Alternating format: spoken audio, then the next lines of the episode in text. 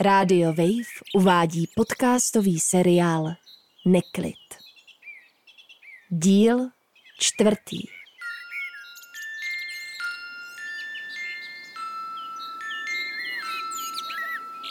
Tak teď přijdeme tady po mostu a kousek za mostem Jelouka, kde si konečně uděláme pěkný. No, seřaďte se do dvojice hezky za mnou. Prostě čekej toho, kdo je nejblíž, nebudeme se tím zdržovat. I když je to kluk? Jo. A musíme se držet za ruce? Jo, No fuj. ona ti ta ruka neupadne, tak šup. Tak půjdem spolu? Hm. No jo. Tak jdeme. Klárko, Šimone. Já jsem s tebou taky nechtěl jít, abys věděla. Tak mi tak nedrž ruku. Jak jako? Hodně. No jo. Potí se ti ruce. Ne, to tobě. Je to nechutný. Sama seš nechutná. Ty víc, ty víc. Ty na ležatou osmičku víc.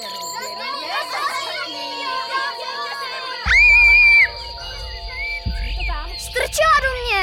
Ne, to Šimon do mě. Jste normální. Víte, co se vám mohlo stát? Já nevím, proč to udělal. Šimone, tohle už nesmíš. Ale já jsem to vážně nebyl. Za trest si nedáš nic na pikniku. Ale- Poslední slovo. Ostatní pohyb. Do dvojice, jdeme. Proč si to řekla? Ona teď věří tobě. No právě. Já všem řeknu, jak to bylo. Jo, a kdo ti to bude věřit? Nikdo se s tebou nekamarádí. Já mám kamarády. Jo, neviditelný.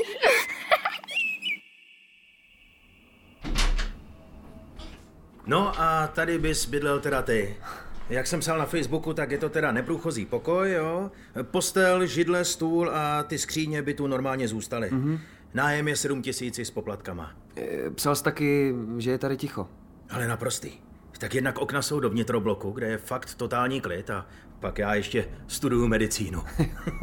Takže nemůžu úplně říct, že bych měl studentský život. Já chápu. A ten druhý spolubydlící? Vláďa? No, to je úplně mimo. Jak jako?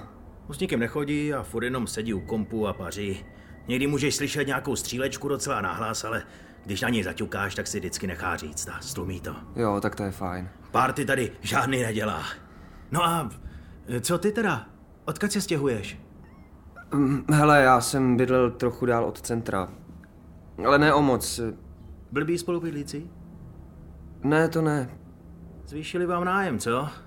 To teďka ty svině dělají všude, ale hlavně pozor, aby jsme to nájemný nezastropovali. To by byl úplný komunismus, že jo?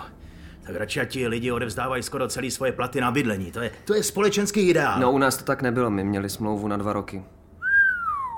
Ty vole, tak to je totální svatý grál? No, Tak proč od tam tady odcházíš?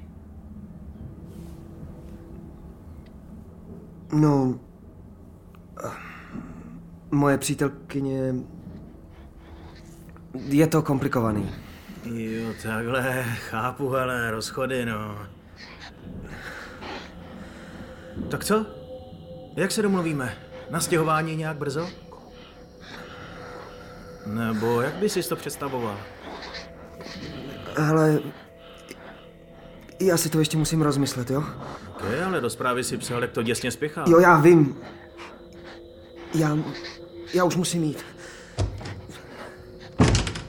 Debil. Vláďo! Stlum si to laskavě!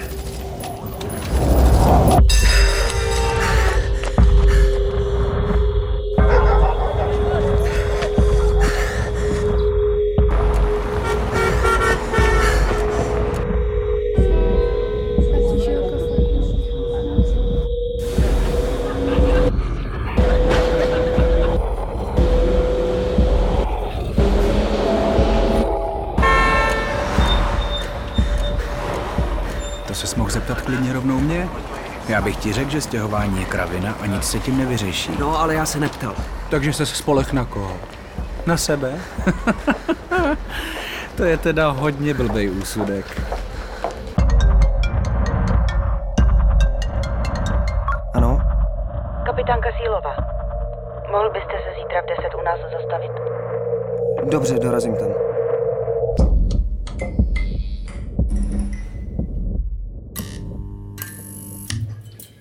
Dostali jsme se k informacím, že Petra zvažovala několik týdnů před svojí smrtí rozchod. Co byste k tomu řekl? To vám řekla její máma, že? Vraťme se prosím zpět k dotazu. Řekla vám to její máma, že? Odpovězte.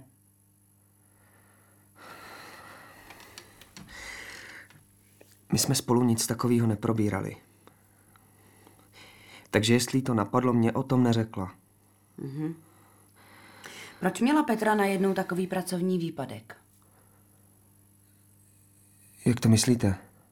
Proč najednou na několik týdnů přestala jezdit s taxíkem? V taxislužbě byla známá tím, že si brala docela dost nočních služeb. Petra měla zkouškový. Ano, ale třeba v minulém roce takový výpadek neměla. Ten přišel až v době, kdy žila s vámi. Já nevím. Měla to letos ve škole prostě víc. To byl podle vás ten hlavní důvod. Ano. Na její rozhodnutí jste neměl žádný vliv. Ne.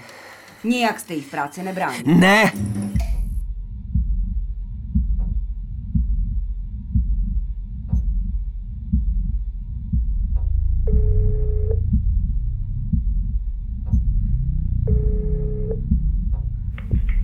Co chceš? Co jste jim to napovídala? Nevím, o čem to mluvíš. Ale vy to víte. Ne. Nikdo jiný to bejt nemohl. A to jako proč? Protože se před koncem s nikým jiným nebavila. Ne- Nebo jo, nebo... Já nevím, možná... Já jsem měl pocit... Já vím, že jsi do toho nějak namočený. Petra vám řekla, že se chce rozejít? Tak řekla! Už to s tebou nemohla vydržet. Ale to přece ne, teď my jsme spolu byli šťastní! Ty nějaký problémy má každý, ale my jsme byli spokojení. Já ti nevěřím. A už brzo se dozvím, jak to celý bylo.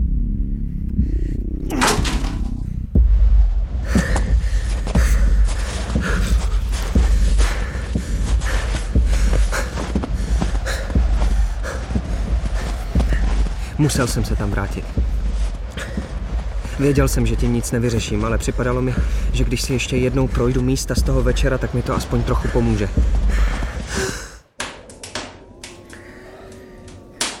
Hele, děje se něco? Proč? Já nevím, poslední dobou si taková... Chováš se jinak. Já musím pryč. Co? Neblbni, Petro, počkej. Nech mě. Petro, buď rozumná, musíme si to vysvětlit. Já vím, co se děje. Já už ti nevěřím vůbec nic. Počkej, Petro, nech mě, ti říkám. Petro, počkej, Nesahej nikam na mě. nechod. Nechod nikam, nechod nikam, ti říkám. Nech... Au. Petro, promiň, já jsem to nechtěl. Ne, ne, Nech mě. Nestaj na mě. promiň, Petro. Ne, nechoď ke mně Petro! vůbec! Petro!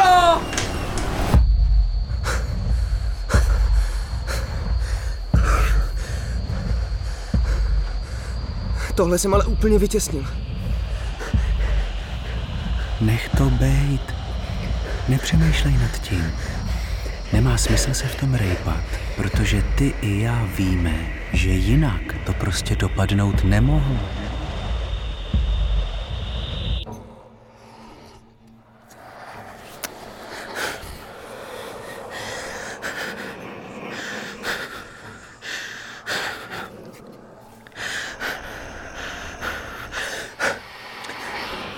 Peti. Peti, ty to neslyšíš? Co? Ty divný zvuky kolem. Mm-mm. Musíš je přece taky slyšet. Určitě musíš. Určitě je slyšíš. Nic tady není. Prosím tě, spí.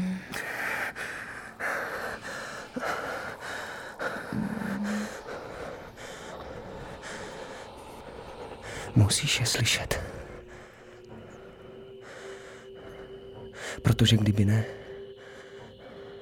tak by to znamenalo, že s tebou není něco v pořádku. A tak bys to přece nechtěla.